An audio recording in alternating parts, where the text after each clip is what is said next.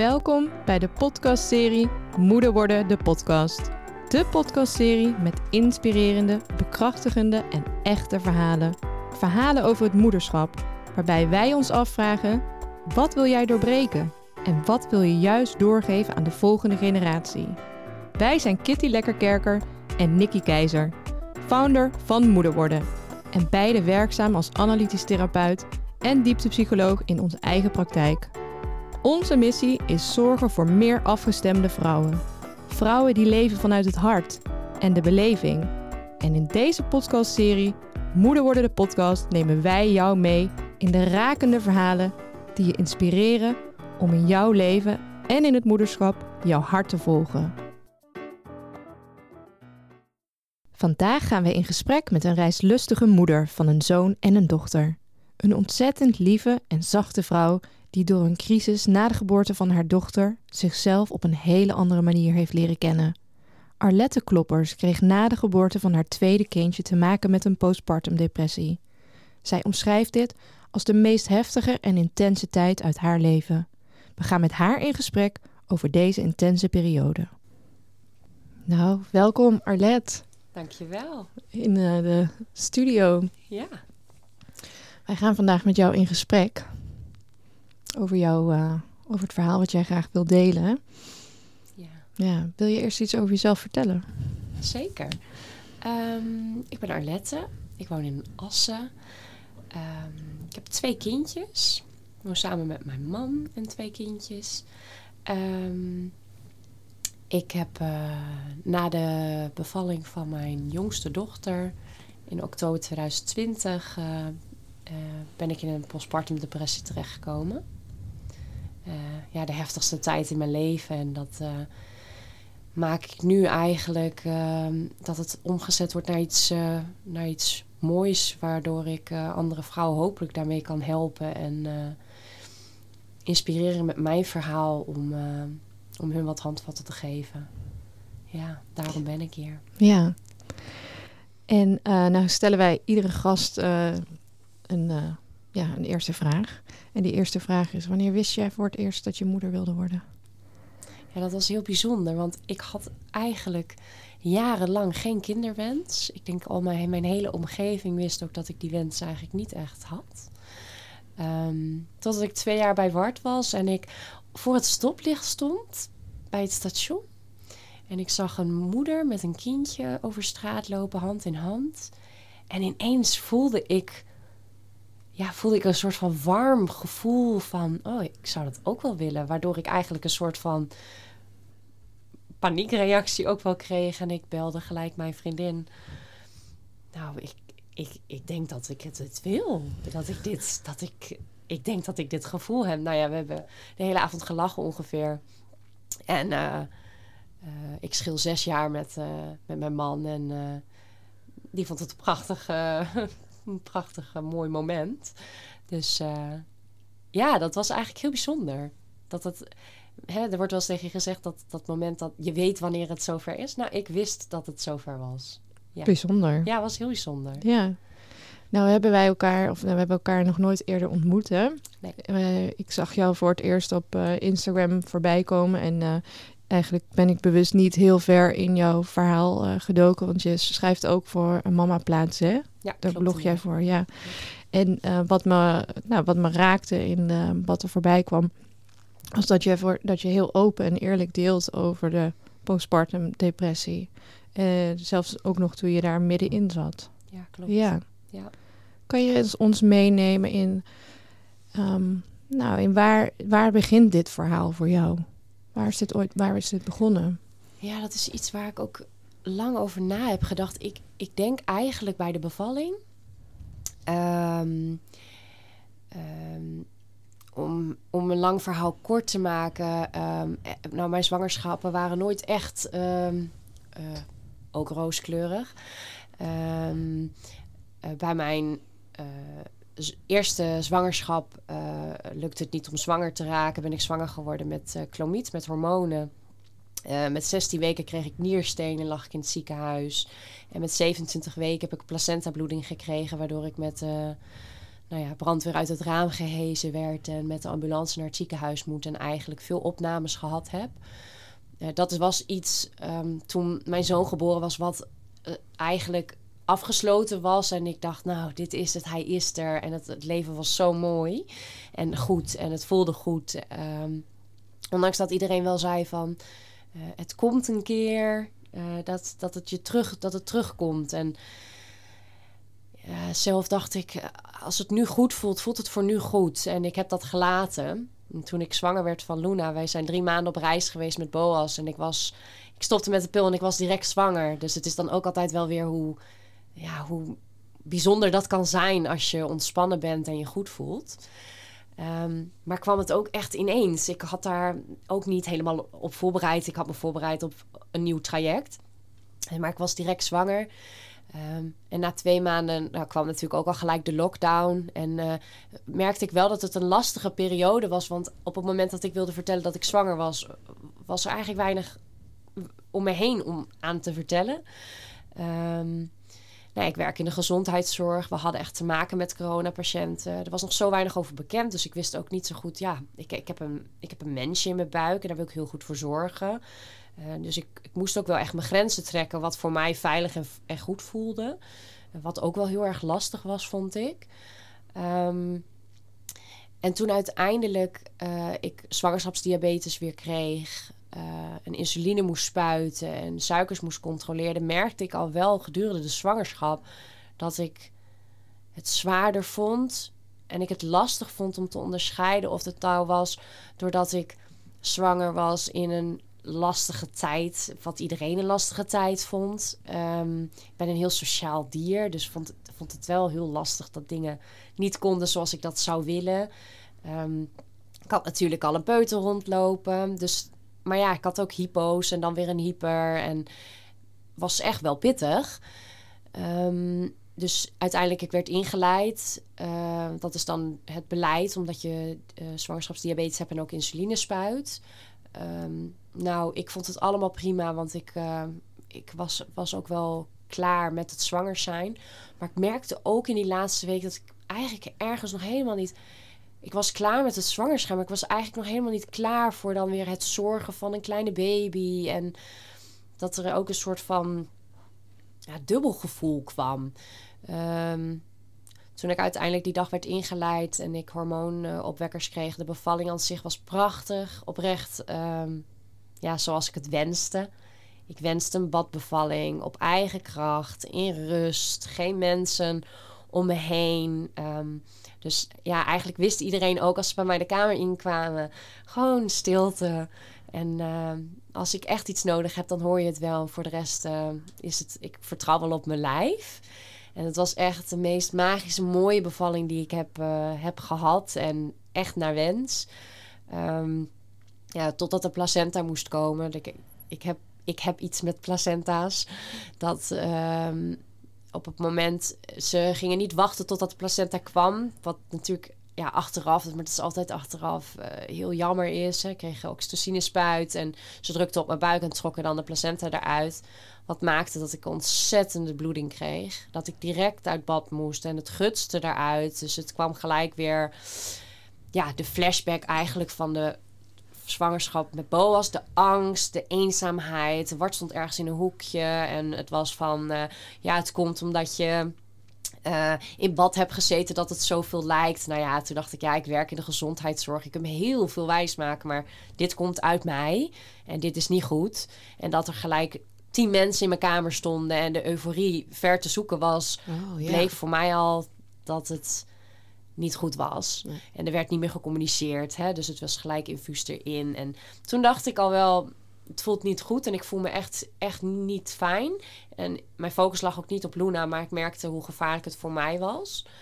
Um, en toen heb ik ook echt aangegeven, ik, ik moet mijn man hebben. Dus die heeft ook gelijk Luna uit handen gegeven en bij mij komen staan. Uh, en ik wist eigenlijk niet wat er ging gebeuren. Ik, geen idee. Ik kreeg uh, medicatie om te zorgen dat mijn baarmoeder ging terugkrimpen, wat niet gebeurde. Ik lag nog steeds in natte doeken, dus ik bibberde helemaal en ik kreeg koorts. En uh, ja, door alle medicatie kreeg ik ook naweeën, waardoor ik ja, niet mijn dochter vast kon houden. Ik kon haar niet aanleggen. Al, überhaupt als zij een klein kreuntje al gaf, kreeg ik weer naweeën door de medicatie. En wat voor medicatie is dat dan? Ja, eerst kreeg ik oxytocine, geloof ik, in een hogere dosering, maar dat werkte niet goed. En daarna kreeg ik een ander hormoon toegediend, wat ervoor zorgt dat je, ja, dat je baarmoeder gaat slinken en terug Ja. gaat in de juiste positie. Ja, dat was het doel van de medicatie. Klopt Ja. inderdaad. Ja. Ja. en dat zou ervoor zorgen dat ik minder zou bloeden. Dat gebeurde uiteindelijk ook, maar de bijwerking van die medicatie was koorts. Dus ja, koorts in, in kraambed is echt wel eh, heel, heel heftig. Ik eh, voelde me echt heel ziek, kon ook niet slapen. Uiteindelijk hebben ze Luna s'nachts weggehaald, omdat ik natuurlijk ook weer, doordat zij er was, naweeën kreeg. Dus die hele eerste 24 uur was van een euforische, mooie bevalling naar, naar niks. Dus ik denk echt dat dat ook wel de start was. Een valse start Ja. in het hele... Ja, in, in eigenlijk het hele traject van kraamtijd en eh, ja, het genieten. Dat, eh, dat was er niet. Nee. Nee, ik was hartstikke ziek. Ja. En dat ging pas over nadat het infuus eruit ging. Maar ja, het infuus ging eerst ontsteken en toen moesten ze aan het andere arm ook nog prikken. Dus het was echt verschrikkelijk gewoon. Het was echt. ehm, En de zorg is dan ook eigenlijk heel. ehm, Ja, je bent gewoon wel een nummer, hè. Dus ze komen de kamer binnen, ze doen even wat jij eh, nodig hebt. Eh, ze kwamen er eigenlijk na drie uur pas achter dat ik nog in natte doeken lag. Waardoor ik dus zo lag te shaken op die brancard. Eh, omdat ik natuurlijk uit bad was gekomen. Hele kleine dingen wat, wat wel veel leed had kunnen verzachten, denk ik. Ja. Dus dat Ja. was ja, heel alleen en heel heftig. En ik denk, ik denk zelf, ondanks dat de ergste, ergste somberheidsgevoelens gevoelens pas na een paar weken kwamen, dat het wel dat het steentje gelegd was al bij de, bij de bevalling. Hm. Ja, dat denk ik wel. En toen ging het toen verder. Ehm, nou, de kraamtijd hebben we uiteindelijk verlengd gekregen. Eh, ik probeerde wel echt te genieten. Ik heb Luna ook eh, borstvoeding gegeven. Ik vond dat altijd het allermagischste en mooiste wat er was. Eh, maar merkte ook wel dat als wij beneden zaten, dat Luna dan ehm, in de box lag. En, eh, en ik op de bank eh, lag. En eigenlijk ook, ik had niet de behoefte om haar bij me te nemen. Ik was al lang blij dat Boas dan smiddags sliep, hè, mijn zoon. En dat Luna ook sliep in de box. En ik vond het echt wel even prima. En ehm, na drie weken begon zij heel veel te huilen. Bleek dat ze ook wel wat refluxklachten al had. Ze gaf veel voeding terug. En met aanhappen aan de borst was ook heel moeizaam. Ehm, ik heb Boas een jaar gevoed. Dus ik ha, lekker strevend eigenlijk ook gehoopt dat dat bij Luna ook zo zou zijn. Nou ja, elk kind is anders. Elke eh, bevalling is anders. En elke kraamtijd ook. Dus daar kwam ik, wel, eh, kwam ik toen ook wel echt achter. Ehm, en dat ik eh, eh, uiteindelijk na veel wikken en wegen en eh, Luna moest ingedikte voeding en het was dan niet eh Johannesbrood pippil, maar echt een soort van gelei wat ze kreeg door haar voeding van de kinderarts. Kon het ook niet meer het kolven wat ik dan deed en dan geven. Het werd, ik was gewoon een uitputtingsslag voor mijn lijf. Ehm, dat ik stopte met borstvoeding geven toen zij eh, negen weken was. Met heel veel tranen uiteraard, want het was niet wat ik wenste, maar het was gewoon beter voor iedereen. Het gaf rust in de zin van dat ik het uit handen kon geven, maar ergens voelde ik ook dat het niet was wat ik wilde. Dus dat, dat, was, e- dat het echt een soort fase was wat ik moest gaan afsluiten. En ja, dat vond ik heel, heel moeilijk. Ehm, en ehm, ja, eigenlijk in die periode daarna merkte ik hoe weinig ik haar dan bij me nam. Dat de voedermomenten eigenlijk de momenten waren dat ik haar had. Oh, ja. En dat was wel heel confronterend. Want nu moest je, moest je haar eigenlijk, hè, want als je een fles geeft, ja, dan kon mijn man ook een fles geven. En als mijn ouders op bezoek waren, dan gaven, hè, die vonden het dan leuk, die gaven dan ook een fles. En dat je dan ineens erachter kwam van, joh, ik ben, hè, we zijn de dag nu al zo'n zes uur begonnen. Ik heb wel een luier verschoond, maar ik heb helemaal niet even haar eh, bij me gehad. Of, ehm, of in de draagzak. Dat vond ik veel te, beklemmend en benauwd. Terwijl dat ik Boas, nou, daar liep ik ongeveer elke dag wel uren met hem in de draagzak. eh, omdat ik dat gewoon zo'n fijn, knus en geborgen gevoel gaf, zeg maar. Ja. Dus mis- merkte ik al heel gauw dat het gevoel zo anders was. En waarom? Ja, je, dat, dat, is, dat is een vraag. Ik denk dat ik vandaag de dag daar nog geen antwoord op ga krijgen waarom je dat gevoel hebt. Ehm, En hoe was dat om, om te beseffen? Ja, het was heel intens. Echt heel intens. Uiteindelijk ehm, was het zo heftig. Mijn man ging toen weer werken. En eh, toen merkte ik al wel, hij was toen twee weken aan het werk, dat ik, dat ik dacht, dit is echt zo heftig. Twee kinderen en ik weet niet hoe ik het moet doen. En zelfs als ze er niet waren, was ik nerveus, gespannen, gejaagd. Ehm, helemaal niet eh, eh, aan het genieten van het verlof wat ik dan op de dagen had dat ze even naar de gastouder waren, bijvoorbeeld. En dat ik ehm, uiteindelijk, eh, dat mijn moeder tegen mij zei, ik belde haar ochtends in paniek op. eh, dat de kinderen waren om zes uur wakker geworden van elkaar. En eh, ik zei, je moet ze ophalen, anders ga ik weg. En eh, ik was helemaal in paniek aan het huilen. En ik kon het gewoon niet meer helder zien. En ze zei, ik kom ze ophalen, maar jij gaat naar de huisarts toe. Want ik, vind, ik vertrouw dit niet. En ehm, toen ben ik geweest. En dat is dan ook altijd wel weer jammer dat er... Dat er gaat heel weinig bekend is over mentale problemen in een kraamtijd of in een zwangerschap. En dat het heel gauw ondergeschoven wordt als zijnde dat het hormonen zijn of eh, hè, baby's huilen. ehm, ehm, maar het gaat verder dan dat. En het ging ook verder dan dat. Ik, was, ik stond altijd op een soort van nerveuze stand. Ehm, en het werd echt ondergedaan als kraamtranen. Dus je kraamtranen en ja, misschien ook wel door de, door de COVID, hè, dat het daarom zo voelt. Dus nou ja, ik dacht, nou ja, jij weet het. Jij bent de dokter, dat zal het wel, toch? Ja, dat is, zo ging het wel een beetje. Wat zag jouw moeder waardoor zij eh, zei van jij gaat vandaag naar de huisarts? Mijn moeder zag in mij echt totale paniek bij eigenlijk alles wat er gebeurde met de kinderen. Dus al was het maar een, een, een, ehm, een Boas die iets deed wat niet mocht. ehm, of eh, Luna die eh, ging huilen onder het eten. eh, dat ik helemaal eh, bijna in tranen kon zijn omdat dan het niet liep zoals ik zou wensen. Terwijl dat ja, wat ik zeg, we zijn drie maanden op reis geweest naar Azië, rondtrekken. Ja, dan moet je wel een beetje een nuchtere persoonlijkheid hebben, wil je dat kunnen ondernemen. Dus ze zei, ik herken je gewoon totaal niet hoe angstig en nerveus je nu ja, bent. Ja. Dat is niet hoe, je, hoe wij je kennen. Merkte je Dus- dat zelf toen ook al? Of had je dat...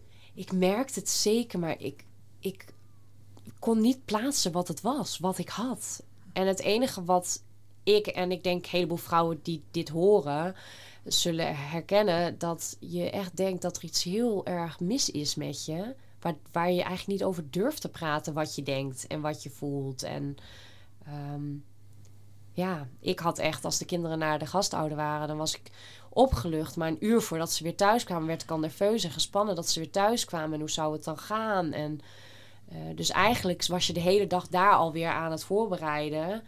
Daar, daar kom je niet tot rust. Nee. nee, want wanneer is het moment dat je het op een gegeven moment gaat delen? Misschien met je man of met je moeder? Ehm, het moment kwam dat ik bijna weer aan het werk moest. En toen heb ik contact. Ik werk dus in een huisartspraktijk. En ik heb contact gehad met mijn, eh, eh, met mijn baas. Zij is huisarts. En ehm, ik wilde graag halve dagen beginnen. Waarbij zij al dacht: hmm, dat is wel een beetje gek.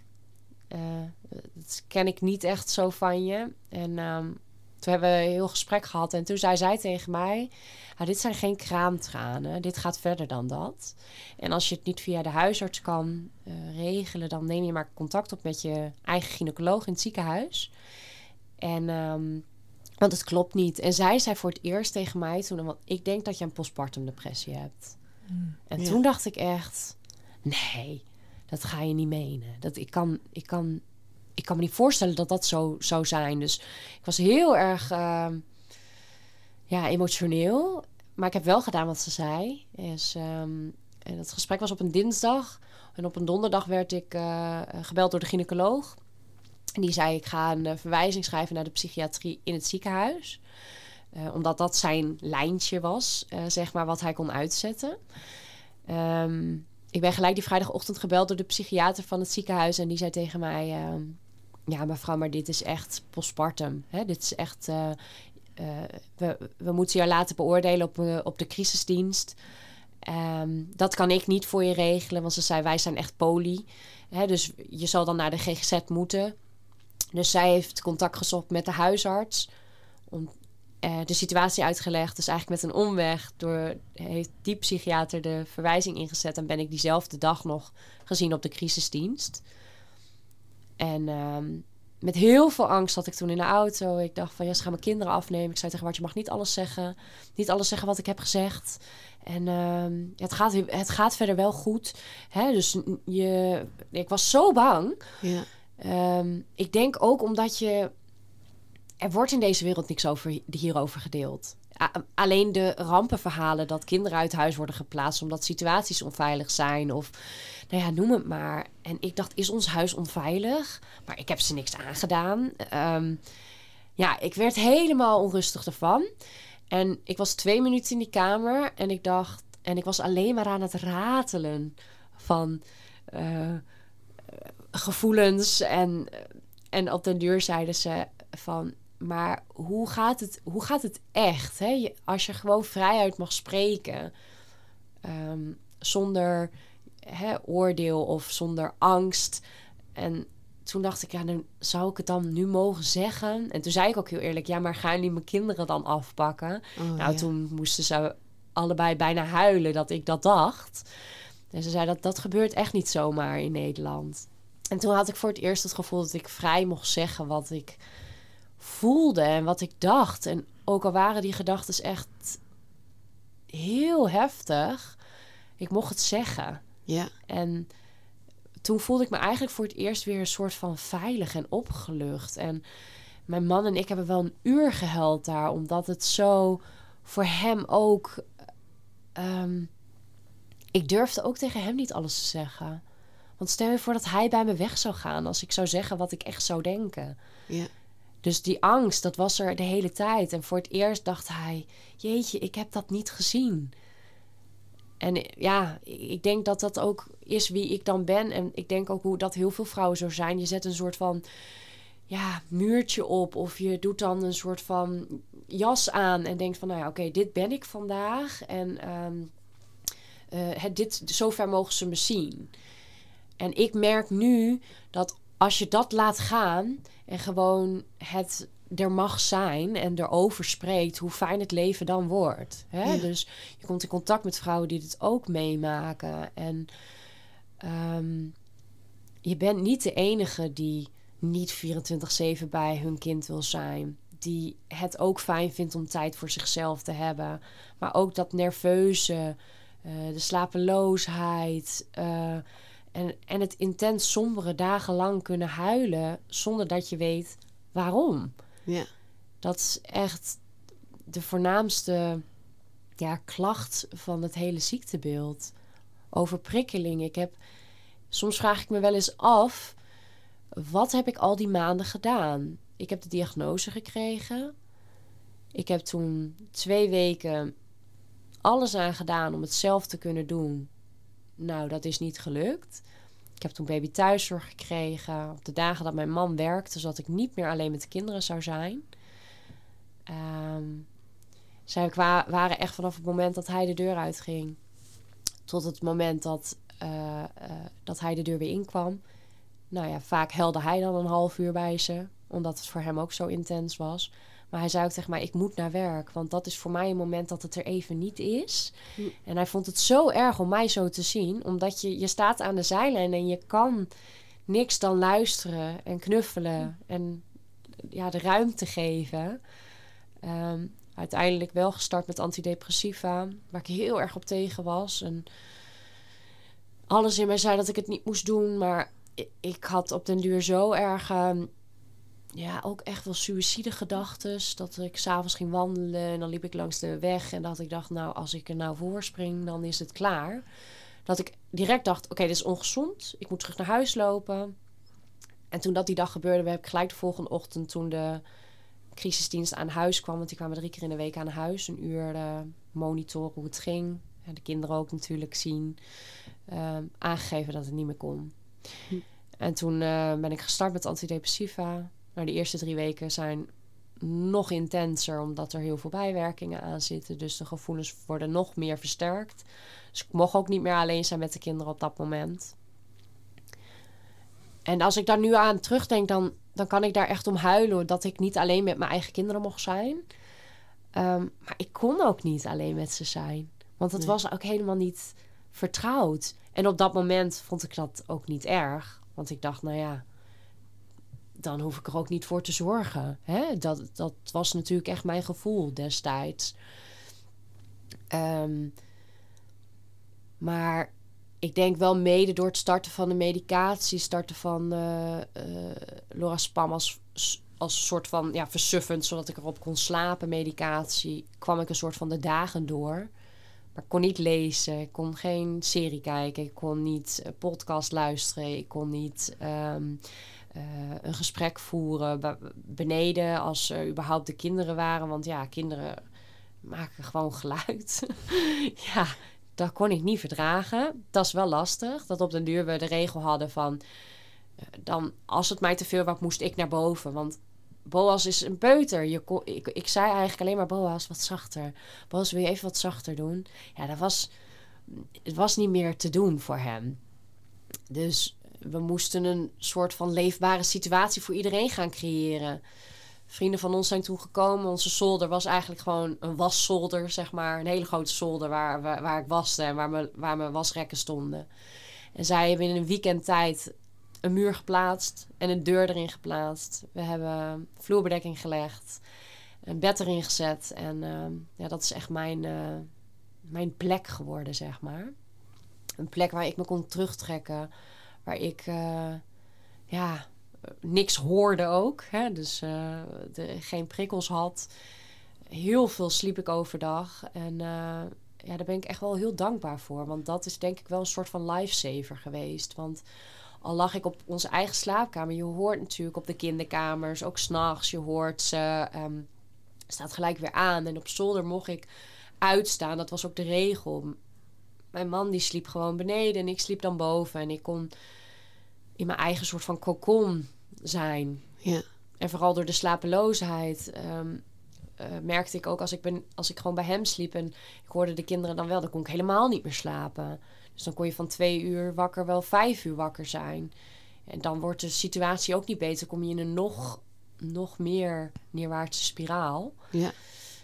Um, dus ja, dan sliep ik op zolder. En, uh, en in die nachten, uh, ja, als ik wakker was, dan ging ik ongeveer heel Google af uh, waarom ik dat had. Vooral die eerste oh, maanden. Ja, Het is echt zo uh, vrouwen die sturen. Maar ja, ik herken zo wat je schrijft. Hè, want ik heb er dan blogs over geschreven. Uh, dat je, wil, je, je zo op zoek gaat naar waarom. Want als je weet waarom, dan kan je iets veranderen. En vanaf dag één wilde ik het veranderen. Maar moet ik wel weten wat ik dan moest veranderen, zeg maar. Ja, ja. ja dat, dat weet ik niet. Dus het, het enige wat ik, wat ik als advies kreeg van... Ik had dan een intensive home treatment team vanuit de GGZ. Eh, waarbij mijn behandelaar, uh, Tessa was dat, uh, dat is echt nou, onze held ongeveer geweest. Die zei altijd tegen mij, Arlette, echt waar, ik zie een hele krachtige vrouw. Die zit daar nog steeds. Um, maar nu heeft de depressie jou volledig in zijn macht. En dat is het ook. He, dus jouw gevoel wat je dan hebt op dat moment, dat ben jij natuurlijk niet. Maar dat is die depressie die dat volledig overneemt. En waarin je ook moet gaan onderscheid maken van ben ik dit of is depressie dit? Dus dat vluchten uit huis als Luna op bed lag en even huilde. Gelijk na het eten, ik ging altijd wandelen, een uur lang. als ik terugkwam, dan sliepen de kinderen en dan kon ik weer een soort van een beetje ontspannen. Als ik thuis bleef, dan bleef ik aan. En zij zei altijd tegen mij: er komt echt een tijd en dan wordt het minder. En dan wordt het langzaam weer dat je weer van kleine dingen kunt genieten. en nou, dan ga je weer een stap terug en dan ga je weer twee stapjes naar voren. En ik dacht alleen maar, ja, wanneer dan? En maandenlang was dat niet zo. Maar inderdaad, op den duur merkte ik, oh, volgens mij heb ik gisteren niet eens gehuild. Ehm, oh, ik, ik voel me echt blij dat Boas uh, een tekening voor mij heeft gemaakt. Of dat Boas tegen mij zegt, mama, ik vind jou lief. En dat dat dan echt binnenkwam. Ja. Dus dan kon ik weer tranen hebben voor het feit dat je iets voelde wat je heel lang niet hebt gevoeld. Dus een soort, je, je maakt weer kennis met geluk, terwijl dat je dat heel lang niet hebt gekend. Dus uh, heel, heel bijzonder, maar ook heel heftig. Want op goede, vooral op de beginfase, wanneer er een goede dag was, kwamen er wel echt weer vijf slechte.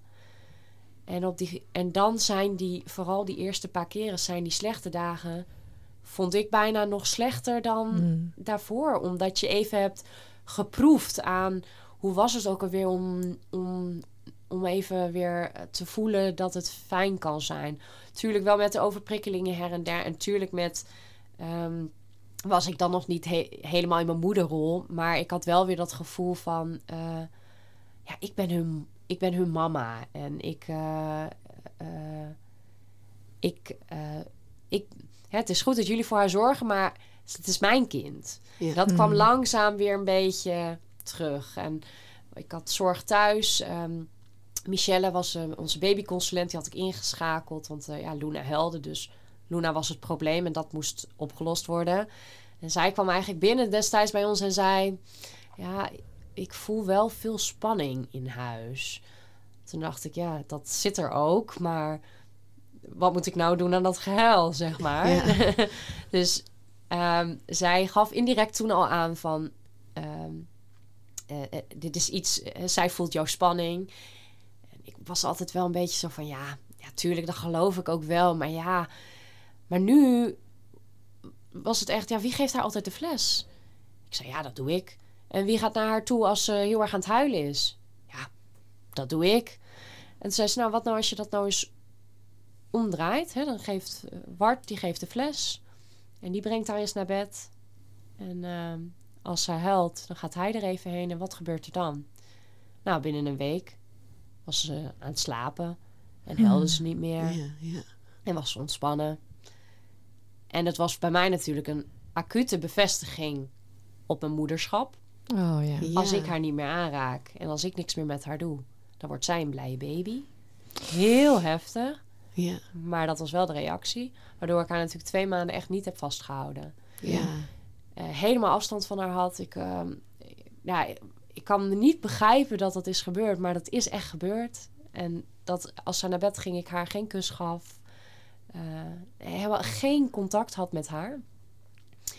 En dat kwam heel langzaam weer. En eh, Michelle, die is uiteindelijk als ZZP bij ons in het gezin gekomen via de baby thuiszorg.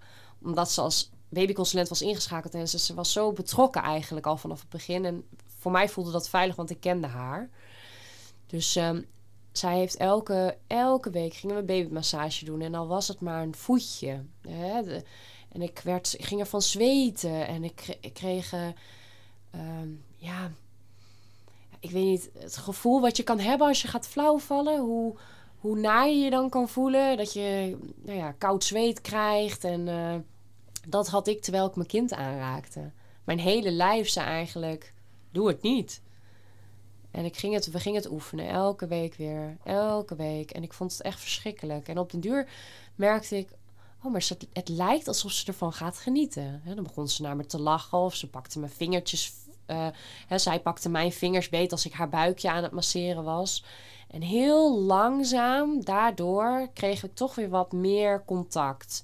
En nam ik haar even weer bij me op schoot. En was niet lang, maar het was er wel weer even. Ja, ja. In ieder geval elke dag weer even. Hè, langzaam, eerst was het één keer in de week, een paar keer per week. En op den duur werd het steeds weer een beetje meer. En werden ook de slechte dagen steeds een beetje minder.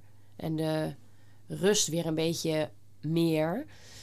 Eh, totdat ik in juni echt weer wat ruimte kreeg of zo. Op een of andere manier kreeg ik ruimte in mijn, in mijn, in mijn hoofd weer om, om weer dingen te lezen en om weer te schrijven. En ik merkte met schrijven, dit, dit geeft me lucht. Ik kan gewoon ongecensureerd schrijven, want dat is mijn verhaal. Dit is hoe ik dat voel en hoe ik dat heb meegemaakt. En voor mij is het ook een soort dagboek geworden, want daarmee haal je eigenlijk terug wat er al die maanden is afgespeeld bij ons thuis.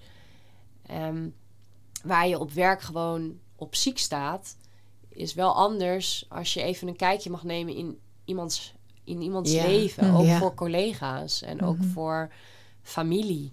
Ja. En ehm, confronterend, maar wel goed, denk Ja. ik. Ja. Wat, ehm, het is zo, als ik me probeer in te leven, hè, in, we zijn natuurlijk allebei moeder. Als je dan bedenkt dat je gewoon je eigen kind niet kan aanraken, dat het gewoon zo'n heftige reactie, dat is gewoon bijna niet voor te stellen. Nee. Voor mij dan. nee, dat is echt niet voor te stellen. Heb je daar al, heb je, hoe kwam dat? Heb je daar, dat, Ik denk op het moment dat Luna toen ging slapen en rustig werd, terwijl ik er niet was. ja, En dat was soms in, ook toen ze vier weken was. eh, hè, want ik zei, hè, vanaf drie weken begon het met huilen. Dat met vier weken ik ook... Oh, en dan zat ik alleen met haar, was boos naar de gastouder. En dan wist ik niet wat ik met haar aan moest. En dan reed ik naar mijn vader in paniek. Van ja, ze huilt alleen maar. En dan ging ik even lopen. En dan kwam ik terug. En ja, dan sliep ze. ja, Ja, Dan dacht ik echt, ik wil mijn vader mee naar huis. Want eh, ik weet, ik kan dat niet. ja, Dus het was heel veel bevestiging. ja. En terwijl er uiteindelijk Ja. geen bevestiging was. Ik was toen al ziek en Luna voelde aan alles dat ik niet, eh, dat ik helemaal niet eh, was eh, wie, eh, wie ik ben, denk ik. Ik denk dat zij dat al een soort van aangaf in signalen dat het niet goed voelde voor haar. Zij voelde mijn stress ja. Hm. en gejaagdheid. Want eigenlijk heb je best wel lang zelf moeten overleven. Ja, als je qua lang. tijdsbestek kijkt. Klopt. Ja, De echte diagnose die ik heb gekregen kwam uiteindelijk eh 28 januari en Luna is van 14 oktober. ja, En ik ben in november al naar de huisarts geweest. ja. Het was echt verschrikkelijk. Maar ook dingen kun je niet meer terughalen. Dit kan ik terughalen. Het is een negatieve dingen. Ik weet niet wie er op kraambezoek zijn geweest. Ik weet niks meer van Sinterklaas. Ik weet niks meer van kerst, oud en nieuw. Geen idee.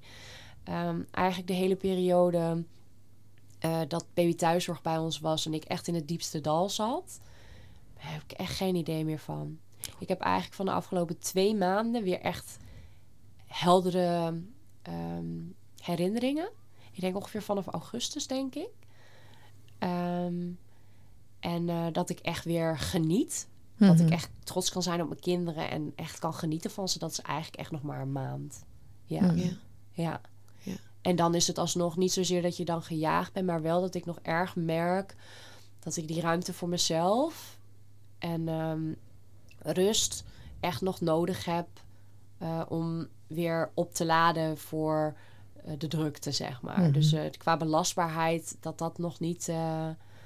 Nou ja, dat heeft natuurlijk tijd nodig. Je bent niet gelijk weer Nee. eh, terug bij af. Eh, nee, want jij vertelt wel, je, je hebt zorg voor in huis. Eigenlijk voor de verzorging van de baby. Ja. Maar heb je dan ook in die periode zorg voor jezelf gehad? Mentaal? Ja, ik kreeg ehm, eh, via de crisisdienst was het Intensive Home Treatment Team.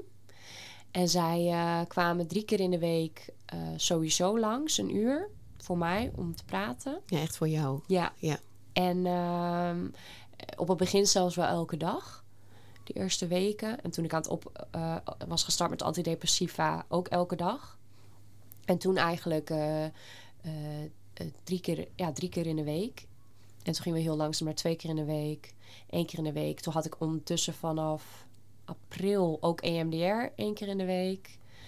En ehm, eh, hechtingstherapie. Dus eh, video home treatment heet dat. Dus dat is heel confronterend en heftig, vond ik. En ze gaan dan het contact opnemen van mij met mijn baby. Ehm, wat je vervolgens een paar weken later gaat terugkijken. Wat je, gaat wat je ziet. Dat is uit eh, dat ze proberen uit ehm, eh, positief. Dus eigenlijk, maar ik ging toen al wel iets meer vooruit. Dus het was super confronterend. Want ik Mm. zag mezelf aan die box staan en eigenlijk, ja, totaal leeg en, en, en geen emotie. En dat ik ook echt aan haar vraag, ja, wat moet ik nu doen dan? Terwijl dat ik de moeder ben. Dat is echt bizar. Ja. uiteindelijk ehm, ja, had ik dat één keer in de drie, vier weken ongeveer. Dat we dat eh, opnamen. En dan gingen we dat eh, dan weer na, eh, na zoveel weken weer kijken. En dan gingen we weer een nieuw filmpje opnemen. Ehm, en ook hielpen ze met, ehm, met, ja, met Boas. Want ja, je moet, eh, ik had ontzettend schuldgevoel, waardoor ik een soort van grenzeloos was geworden. Ehm, alles mocht en alles kan. En eh nou, vond ik ja, heel fijn. ja. Maar zo werkt het zeg maar niet helemaal. Nee. Dus ehm, ja, de, ja, dan moesten we echt wel. Hè, dus hij ging dan gillen en dan ging ik gelijk reageren. En we gingen, ik moest weer leren dat. Ja, dat is gewoon negatieve energie. Eh, hij, ne- hij vraagt negatieve aandacht. Nou, aandacht is aandacht. Dus ja, dat was ook weer een heel leerproces voor mij van. ehm, om oprecht weer moeder te zijn. Het was Ja. weer helemaal alsof ik dat niet was geweest. Dat is echt, ja. Dan, dan zag ik ook foto's van mezelf ehm, met Boas toen hij ook bijvoorbeeld eh, acht maanden of negen maanden was. En dan kon ik me niet indenken dat ik dat, ik dat, heb, dat, ik dat was. Kijk, nu wel weer hoor. Dan, maar toen destijds dacht ik echt, ja, hoe deed ik dat dan? Ik weet het niet Mm. meer. Ehm, hoe, hoe moest ik dat dan doen? Als je helemaal geen verbinding meer kan maken met dat wat je ooit hebt gedaan. Nee, Hoe je je toen voelde. Of ja, gewoon helemaal compleet erin. In Ja. de depressie. helemaal erin. Ja, en voor vrouwen die luisteren, het is ook, je wordt erin gezogen. Je hebt ook niet door dat je er op een gegeven moment in zit. Nee. Nee. Ik, ik, vooral denk ik, de eerste symptomen zijn vaak gewoon dat hele gejaagde en nerveuze gevoel. Constant voelen. En ik denk altijd dat als je pas bevallen bent, heb je altijd wel dat je iets meer dat voelt. Want hè, je hebt net een kindje en je denkt, oké, mm, oké, dus nu slaapt ze, dus dan kan ik nu heel snel douchen. Ik bedoel, dat heeft elke moeder. Maar dat, hè, en dan heb je gedoucht en dan is het goed en dan is het klaar en dan ga je een wandeling maken. Maar wat bij mij gewoon was, is dat je dat constant dat gejaagde houdt. Dus dan had je gedoucht en dacht je, oh ja, nou, nou en nu is ze wakker. En eh, ja, hoe moet ik dat nou doen? En gewoon zoveel... eh, eigenlijk had ik ook helemaal geen vertrouwen meer in dat ik dat kon. Mhm. I- eigenlijk dacht ik oprecht alleen maar, ik wil, ik wil gewoon rust. Ik wil gewoon rust. En ik, ik eh, ja, en dat ik dus ja, echt spijtgevoelens kreeg dat ik, eh, ja, dat ik Luna heb gekregen. Dat had ik, denk ik, echt wel vijf maanden lang of zo. En uiteindelijk wordt dat minder omdat je je langzaam beter gaat voelen en ook ehm, een soort van de spiegel kan voorhouden van ja, maar wacht even, dit ben jij en dit is de depressie. En ehm, dat zeg maar, de, dus dat de schuld niet bij Luna ligt, maar ja, de, de schuld ligt bij niemand. Want dit overkomt je. Mhm. En eh, dat, dat, dat, ehm, dat is gebeurd na de eh, be- hè, geboorte van Luna. Maar dat is iets wat op zichzelf staat, zeg maar. Dat heb ik echt in de afgelopen maanden moeten leren. Ja. Mm. Ehm, want ja, anders krijg je hele scheve verhoudingen ook, hè? Ja, ja, want in eerste instantie leef je wel met die overtuiging dat je denkt, Ja, ja, ja, ja, Je Ja. denkt natuurlijk gewoon in oorzaak en gevolg van nou, precies. dit door Ik heb dat. Precies, ja. Ik ben bevallen en nu heb ik deze klachten. Maar dat komt omdat jij bent geboren. Mhm. En zo, eh zo klinkklaar was het, maar zo is het natuurlijk niet. Want het zegt echt helemaal niks over je liefde. Ik heb ook maandenlang huilend gevraagd of ik ooit zoveel van Luna zou houden als van Boas. Nou, ik kan nu echt tegen al die vrouwen zeggen, dat is echt zo. Mhm. En het is geen verschil of je nou een eerste of een tweede kind hebt. En ehm, ja, dan wil je de een achter het behang plakken en dan de ander. Maar dat heeft elke moeder. ja, Maar de liefde is echt precies hetzelfde. ja. En ik ben echt blij dat ik dat nu zo mag voelen. En zo mag ervaren. En dat het echt zo belangrijk is om de juiste hulp te zoeken. En ik ben ook dankbaar dat in mijn geval dan mijn baas het heeft gesignaleerd. Ik denk oprecht dat ik anders gewoon aan het werk was geweest. En ja, dan was ik ingestort natuurlijk, want het wat had niet gewerkt. ja. Maar dan had je nog verder eh, de Mhm. grens verlegd. Mhm. Hè, dus ehm, het is heel heftig geweest. En vooral ook het stukje crisisdienst vond ik echt wel een, eh, een, een, een, een nou, behoorlijke stempel. En eh, heftig. Wat kwam je daar tegen? Want ik denk dat dat. Wat je schetst, hè? Die angst eh, dat je kinderen worden weggehaald. Of Ja. ehm, nou, de, het gek zijn. Hè? Wat het leeft ook zo als, eh, als je daar komt, dan, eh, dan zal, er wel, er zal er wel echt iets mis zijn met me. Ja. Dat hoor ik ook vaak. Ja. Wat, kom je, wat ben je daarin tegengekomen? Nou, het ergste vond ik dat toen ik... ehm, toen was ik al in zorg en toen moest ik na een week of zes een afspraak op de poli. Normaal, normaliter kwamen ze thuis, maar bij de psychiater was het een afspraak op de, op de, nou ja, op de crisisdienst. Maar het is letterlijk wel hoe het klinkt, is het ook. Hè? Het is crisisdienst. Dus Ja. het zijn acute situaties voor mensen met mentale problematiek. Ehm, ik stond daar, ik ging alleen. Ik dacht dat ik dat wel kon. Dat zou ik niemand aanraden. Ik zou dat altijd wel met iemand doen waar je je veilig voelt. Want het is een hele kwetsbare situatie. Ja. En je bent, ehm, je bent daar in goede handen. Maar er zijn ook mensen die... hè, je, er worden ook weer dingen getriggerd. Zo Ja. is het ook weer. Ja, ja. Dus ik stond daar en ik weet nog dat er een man stond met een vrouw. En die vrouw was helemaal in paniek en was ook aan het roepen. En, en toen dacht ik, oeh ja, maar jij, jij hebt misschien wel meer nodig dan ik. Dus ik, ehm, hem, zij, zij, zij moet voor of... eh, nou ja, ik ging er maar netjes achter staan. Ik voelde me al wel heel erg onbehagelijk. Dat ik dacht van ja, ik, ik hoor hier dus ook. Hmm. Ehm, uiteindelijk deed iemand de deur open en eh, nou, ik gaf aan dat ik een afspraak had. En ik, eh, toen zei hij tegen mij, dan mag je op die stoel gaan zitten. Ehm, want eh, zo staat de ka er was iets met, nou ja, dan konden ze mij in de gaten houden. Want er stond de camera. Toen dacht ik al, oh, wat doe ik mezelf aan? Waarom ben ik hierheen gegaan? Waarom heb ik mijn grens niet aangegeven? Mm. Dat ik dit niet, dat dit niet goed voor me was. Maar omdat je in, je kunt geen, bijna geen grenzen aangeven Nee. als je zo ziek bent.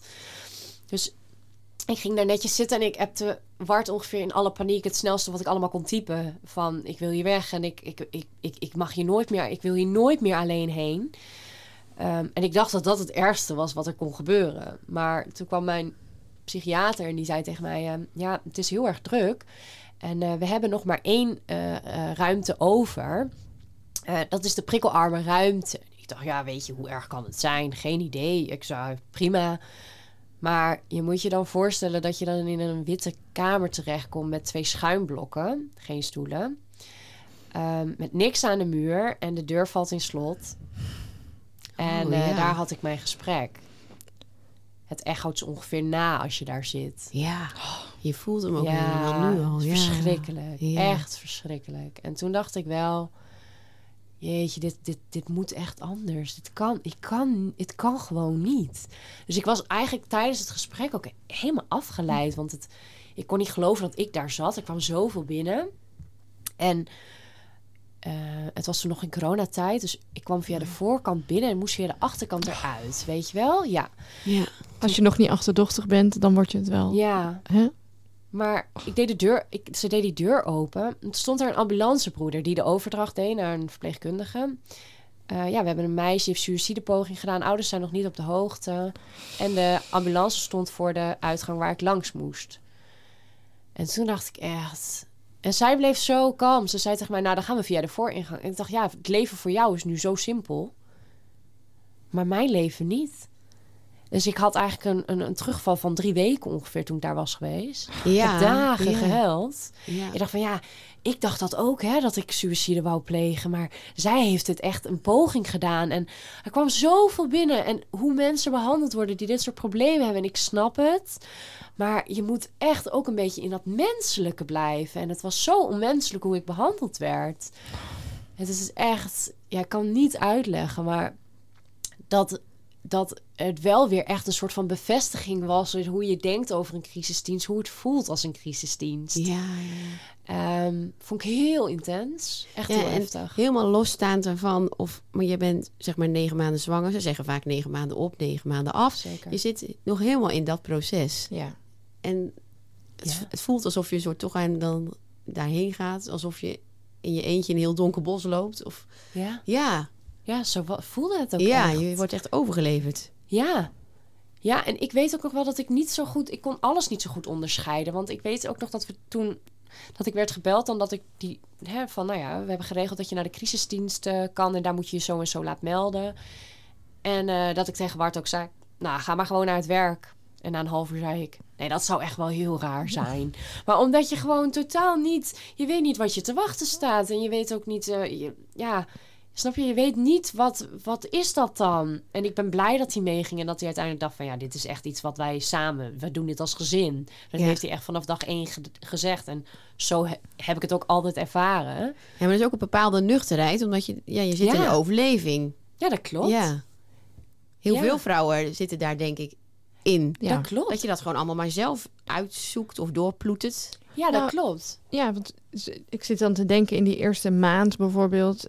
Toen heeft ooit iemand tegen mij gezegd: Nou, beter ga je gewoon de eerste twee maanden niet zelf naar de supermarkt, bijvoorbeeld. Gewoon in die. Nou, doe, herstel gewoon eerst voordat je met je baby in al die prikkels gaat. Maar als niemand dat tegen je zegt, wij denken allemaal: oh, dat gaan we gewoon weer doen. We gaan eh, na een Ja. paar weken gaan we weer pad. Maar het is best wel intens. Ja, Laat staan als je, ja, als je echt, weet je wel, je, je somber voelt of je bent, ja, ja alles komt zo Ja. hard binnen. Ja. De wereld is dan zo, ja, zo hard. Echt Ook- letterlijk. Ja, letterlijk, Geluiden, hoor. prikkels, Geluiden. geuren, alles. Alles. Ja. En Alles. Je, staat, je ligt gewoon helemaal open en bloot. Dus het lijkt wel, ja. Maar de oordelen zijn ook hard, denk ik. Want deze gevoelens mag je eigenlijk Niet helemaal hebben. niet helemaal hebben. Nee. Het is niet gebruikelijk. Nee, en het, en, het, en het mooie daaraan is dat ik dacht... Weet je, ik zit nu zo diep. Het interesseert me ook eigenlijk Nee. allemaal helemaal niks meer. Want wat heb ik serieus nu nog te verliezen? Ja. Dus ik heb, ehm, ik heb me ziek gemeld. Ik heb een mail, een, ik had een, een, eigenlijk een soort van bericht gemaakt voor. Ik heb twee werkgevers bij een huisartsenpost en bij een eh, huisartspraktijk. En ik heb er gewoon letterlijk ingezet. Dit is er aan de hand. Hè? Ik heb een postpartum depressie. Ik zit bij de crisisdienst. Ik krijg hulp thuis. Eh, ik zal voorlopig zeker niet aan het werk gaan. Het kan heel lang duren. Ik ga ook niet reageren op berichtjes, want die ruimte heb ik niet. Maar ik wil dat jullie weten wat er met mij aan de hand is. Ja. En dat heb ik gestuurd. Dus ben ik overal uitgegaan. En toen dacht ik, nou, succes ermee. ja. Kun je in ieder geval niet zeggen van, nou, die staat weer op ziek of weet ik veel. In ieder geval uit soort van zelfbescherming misschien ook wel. Dat ik dacht van, ja, weet je, het is keihard, maar dit is ook hoe het is. ja, een goede grens heb je daar getrokken. Ja. En, en ik kreeg echt serieus elke dag post. Elke dag. Ik kwam beneden en er lagen kaarten op de, brief, op de, op de mat. Elke dag. Maandenlang. Oh, wauw. Ja. bloemen. ehm, ja, nou, dan, iemand had me dat ik een massage mocht doen of mijn nagels mocht laten doen. Wauw, of oh, ehm, is- meegenomen naar de, naar de sauna. Gewoon echt, iedereen was zo, zo, zo begripvol. Hmm. Passen op de kinderen. Even de kinderen een, hu- huizenruil voor een weekendje. Dat eh, vrienden van ons in ons huis waren met de kinderen. En wij even lekker in hun huis. Ehm, ja, echt. En juist doordat ik open was. Ja. Hmm. Mhm. Ja, Juist want doordat dit zijn ik... eigenlijk hele mooie, ontroerende Ja, reacties eigenlijk dan. en ja. het was, en het was, was hè, ook bij die huizenruil. En dan kwamen we eh, weer terug in ons huis. En daar waren hun natuurlijk met de kinderen. En dat ik echt wel drie kwartier heb gehuild. En ik wist natuurlijk niet waarom. Maar ik voelde me gewoon stikzomber. En ik zei ook, ik voel me nu zo ondankbaar. Want ik ben heel dankbaar. Maar, maar ik dacht ook, ja, maar dit is ook echt hoe, ik, hoe het gaat met mij. Ja. Dus voor hun was het zo'n zo heftig om mij zo te zien. En ze dachten, ja, dit is, als dit het minste is wat ik voor je kan doen, dan doe ik dat met zoveel liefde. ja. En dat maakte ook wel dat ik dacht van ja, ik zou zo graag dat stigma en dat taboe willen doorbreken. Want het is al echt een vreselijke hel voor een gezin om doorheen te gaan. Hmm. ja.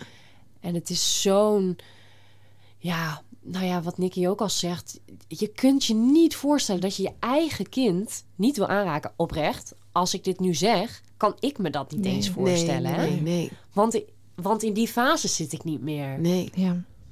Dat, Ja. ik, dat ik juist nu denk, oh wat fijn dat ik haar weer in de draagzak kan hebben. Ja. Maar dat is ook nog maar vanaf half augustus, hè? Ja. Maar je Dus- hebt ook nog een kindje, je hebt al een ouder kindje, die een jaar lang zelf, eh, ja, waar je dat een heel andere ervaring eh, mee hebt gehad. Ja, Dus dat contrast is dan ook heel groot. ja, klopt. Het allermooiste vind ik eigenlijk wel... Dat Boas, die vroeg me eigenlijk elke dag... Mama, jij weer huilen? Mama, gaat het wel met jou? Mama, wil je een knuffel? En nu zegt hij tegen mij... Mama, vind je dat grappig? Mama, moet je lachen? Hmm. Dus, En ik denk, ja, dat is eigenlijk wat ik ook mijn, mijn kinderen wil meegeven. Dat, ja, weet je, het leven is niet alleen maar leuk. Nee. En heel veel mensen zeggen ook nu nog wel tegen mij van... nou, je gezin heeft er wel echt onder geleden. Nou, ehm, als bijvoorbeeld een peuter eh, puber eh, bui heeft... dan zeggen ze ja, maar het komt ook omdat jullie gezin natuurlijk ook wel heel veel heeft meegemaakt. Maar het is ook gewoon een peuter, hè? Ja. Het is niet dat we alles nu kunnen wegschuiven... omdat mama een postpartum depressie heeft gehad. Want de- wij zijn buiten wij, gaat hij naar peuterspeelzaal... en gaat hij eh, naar de gastouder. En heeft hij ook een vader die... wel strikt en streng kan opvoeden. Dus hè, het is ook gewoon het leven. Dat, ook de- dat ook hij ziet van, nou ja, mama die is heel verdrietig geweest. En als hij ziek is, zegt hij ook, oh, ik moet naar zolder. Want ja, daar lag mama altijd. Ja, dus ja. hè, voor een kind is een wereld zo ja, duidelijk eigenlijk. Ja, maar ik vind het ook wel weer heel mooi dat hij- juist hij zegt... oh mama, jij nu weer hui- eh, lachen, hè? Ja. dat dat echt voor hem opvalt. En als ik hem ophaal van school, nou, hij komt er aangerend. Mama, jij ging mij ophalen. Ja. Ja. weet je, hij vindt het geweldig dat ik hem dan kom halen. Dus hoe mooi is het dat ook mijn eigen eh, kind dat ziet? Ja. Ja. Dat is echt bijzonder. En Luna van het zomer, ik gaf haar nog steeds geen fles. Ik kon dat lange contact kon ik nog niet hebben. En dat zij, eh, mijn vriendin wilde de fles geven. En ze ging zo hard huilen en ze bleef me in mijn ogen aankijken van... eh, pak me, weet je wel, ik, ik wil jou. Dus ik dacht, ja, wat, wat moet ik nu doen? Nou, ik, ik pakte haar bij me, ik gaf haar een knuffel... en ze begon gelijk, ze keerde zich gelijk om naar mijn vriendin en moest lachen. Dus ik, wij moesten nog een beetje lachen, zo van, wat een boefje. En ik dacht, ja, maar ik, ik weet niet. Dus ik gaf haar weer terug zo van, nou ja, geef jij haar maar de fles. Maar ze moest zo hard huilen. En ze bleef me aankijken van, nee, mama, jij, ik geloof dat jij dit kan. Ja. Dus ik heb haar bij mij genomen en ik gaf haar de fles. En ze zat met mijn handen te spelen en te lachen. En ja, mooier dan dat kon niet. Zij Nee. gaf mij eigenlijk aan van, het is oké. Ja. Jij ja. kan dit wel. Ja. Het is genoeg geweest. We hebben nu zoveel mensen hebben dit gedaan, maar nu ga jij dit weer doen. Dus het was. Het is ook alweer heel mooi dat doordat je zo diep gaat, je ook wel weer heel erg open staat voor juist alle mooie dingen en simpele dingen in het leven, maar ook van je eigen kinderen. Ja, ja, Mhm. ja, dat je daar heel bewust van bent. Heel Ja. bewust. Ja. Nou, ehm, dat is een bijna een, een inkoppertje, maar zo kijk ik daar in ieder geval wel soms naar. Dat is natuurlijk niet als je er middenin zit. Hè? Als je midden in zo'n diep proces zit, dan denk je echt, waarom moet ik dit doormaken? Hè? ja. Maar het klinkt wel alsof, alsof de reis die jij hebt doorgemaakt, of daar nu ook een betekenis eh, voor jou in zit. Of dat jij daar een bepaald, op een bepaalde manier iets uit hebt gehaald van ja. het genieten van de simpele dingen, hoor ik je zeggen. Zijn dat nog andere dingen nou, ik voel die het jou gebracht heeft? Die, eh, Ja, ik, ik voel vooral heel erg dat. ehm, ik, heb, ik heb echt nog nooit zo hard tegen het leven gevochten als in dit jaar. mhm. En dat ik nu ook echt denk: oké, nou, en 30 jaar lang heb ik eigenlijk een soort van meege. ben ik altijd een beetje meebuigen met iedereen. En ehm, hè, dus je een beetje zo achteraan de roede sluiten, zeg maar. Ehm, en nu denk ik, ja, maar wat maakt mij gelukkig? Hè? Dus wat, wat, is, wat is oprecht waar, waar ik mijn geluk uit haal? En al, ik als persoon ehm, heb nu dit meegemaakt. Ik heb ook heel sterk het gevoel dat ik hier andere vrouwen echt oprecht mee wil helpen. Ehm, ben begonnen met een boek schrijven over deze fase en over deze periode. En ik merk ook dat dat zo... Voor mezelf is het zoiets moois. Maar ook alle... Ja, je, het is echt wel... Hè, sommigen zeiden, ja, ik ben gewoon nog steeds wie, wie ik ben, zeiden veel vrouwen. En ik heb echt het gevoel dat ik een soort van herboren ben. Ja, dat klinkt misschien een beetje, beetje vreemd, maar zo voelt het. Het voelt als, als dat, er, dat ik dat die dat een soort van ui dat het gepeld wordt, steeds een beetje meer. En nog steeds zit ik in, dat, in die fase dat ik daar nog niet helemaal, dat dat nog niet helemaal open is, maar dat er steeds een soort van puzzelstukje valt er op zijn plek, waardoor dingen lopen in het leven zoals ze lopen en waardoor het gaat zoals het gaat, maar ook hoe eh, hoe intens dingen binnen kunnen komen. Ehm, eh, schilderijen of eh, muziek of geuren. Het is, ja, ik, ik merk gewoon heel erg dat je pas beseft wat je allemaal om je heen hebt en wat je hebt op het moment dat je echt dat niet meer hebt gevoeld. Ja. Dus dat maakt soms wel dat mijn man even moet zeggen: Oké, laten we één ding tegelijk doen.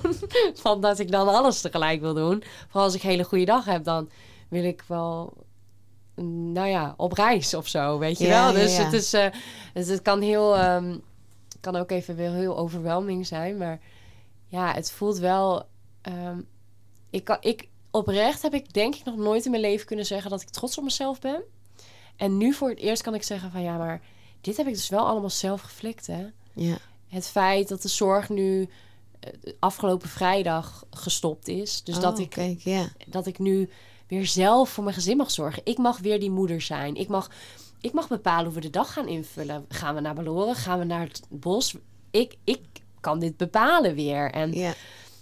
donderdag wordt Luna één jaar. Nou, hoe mooi symbolischer kan het gewoon niet dat dat zo mag zijn. En Ja. zo voelt het ook echt. Dat het, ja, het is zo, alles komt zo bijzonder en mooi binnen. Dat ik nu ook echt, voordat ik überhaupt weer aan reïntegratie en dat soort dingen denk, eerst mijn focus wil leggen op het goed houden en eh, mezelf die rust gunnen om dit proces ook goed door te maken. Mhm. Want dat is heel belangrijk. ja, en wat in me opkomt, omdat zij donderdag één jaar wordt, ga je, heb je misschien nog een mooi ritueel in gedachten? Of om dit jaar af te sluiten? Of, Nou, dat is wel heel erg. te geven? Ja, het is wel heel mooi. Ik heb niks gezegd. Nee, ik wou net zeggen. Oh, ik had toevallig eh, vorige week met Nicky erover gehad. Dus ik, oh vind het zo, ik vind het zo'n... zo'n ehm, ehm, het voelt zo belastend dat ze één jaar wordt. En vooral doordat ik gewoon nog maar twee maanden dat zo bewust meemaak. Dus in mijn hoofd is zij veel kleiner dan dat ze is. Ja. En dat vind ik heel erg lastig. Ik heb donderdag ehm, eh, ochtend, de hele ochtend met haar alleen. Dus ik ga eh, haar lekker een massage geven. En eh, ik ga lekker met haar wandelen in de draagzak. En, ehm, en ik ga een brief schrijven nou ja, naar haar. Ja. Zodat ze die, die ga ik voor haar bewaren. ja. Ook wel over dit jaar. En nou ja, ik denk dat dat misschien mijn... Dat het een beetje het verzacht ehm, hoe, het, hoe het gaat voelen. En ehm, we hebben heel lang over nagedacht, hoe willen we dit vieren? En ik zei, nou weet je, het is ook een beetje een overwinningsfeestje. Zo voelt het ook echt. Dus eh, we hebben sommige mensen ook echt heel lang niet gezien. Juist omdat ik mijn wereld natuurlijk heel klein hield. Dus ehm, zaterdag hebben we een locatie afgehuurd waarbij echt, nou, het is drie uurtjes. Ik zei drie uurtjes prikkels, dat kan ik aan. en er komt gewoon alle familie en onze beste vrienden die ons hier echt doorheen hebben gesleurd, die komen. En ehm, ja, dat wordt, eh, wordt gewoon echt even een magisch mooi. eh, Het schiet er met de binnen. Ik wou het opzoeken. Maar is het denk ik volgende week zaterdag volle maan? Oh, is dat zo? Ja, want Luna is ook maan. Ja. Ja. Oh, werkelijk? Ik kan het even Oh, ik heb dat ook inderdaad. Oh, wat even. bijzonder. ondertussen opzoeken. Ja, ja. Ja. het raakt mij heel erg als je het zo vertelt. ja, het Ja. is echt een. ehm, Er zit zo'n, eh vol zo'n, eh, er is zoveel ehm, vertrouwen, klinkt er nu in door, en acceptatie over wat er is. En tevens gaat het volgens mij ook natuurlijk gepaard wat je zegt, echt met rouw. ja. Ehm, ja, over wat je, je hebt ook iets ingeleverd. ja, en dat voel ik ook iets wat ik nooit meer terugkrijg. Ja. 20 oktober is het volle maan. Dat is donderdag dan op haar verjaardag. Eh, nee, 14 oktober. Oh, 14 oktober. Oh, nee, dan zitten we al iets later. Ja, 20 oktober is het volle maan. Ah, oké. Ja.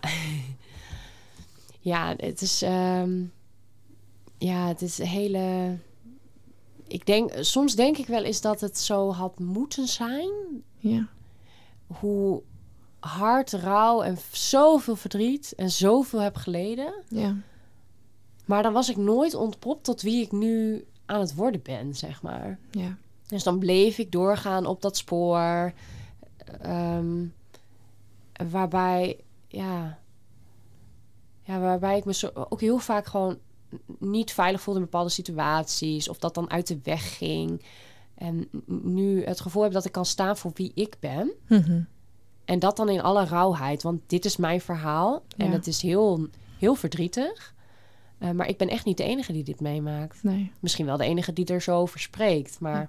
hopelijk dat dat ook in de toekomst hè, toch ook Ja. wel... eh, Ja. Ja, nou, kijk, dat is wat ik ehm, ook wilde ehm, ja, belichten. Dat ik heb zelf ook wel echt zo ervaren dat beide kinderen een ander veranderingsproces in gang hebben gez- gezet. En dat daar echt een, ook een diepte aan vast zit. Dat dat een diepgaand proces in zich, in zich heeft. Maar waar als je dat door, doormaakt of door kan maken, je inderdaad daar ja, als een nieuwe versie van jezelf of met ja, weer een laagje afgepeld zeg maar uit herboren kan worden.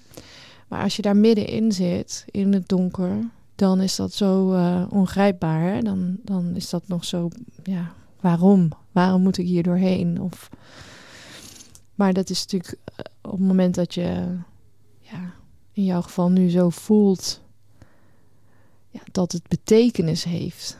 Dat ja. het, eh, dat jij, en dat, dat kan alleen maar als je die er zelf aan kan geven. Ja. Iemand anders kan dat niet voor jou doen. Die kan het niet tegen jou zeggen. Want het doet allemaal af aan de diepte of de pijn en de rauwheid waarmee het gepaard eh, kan of gaat. Dat denk ik ook. En, en uiteindelijk ben je ook de enige die dat voelt. Ja, Hè, mijn man ook en mijn beste vriendin, dat zijn eigenlijk degene eh, die vanaf dag één eh, echt hebben gevochten voor het gezin ongeveer en voor mij.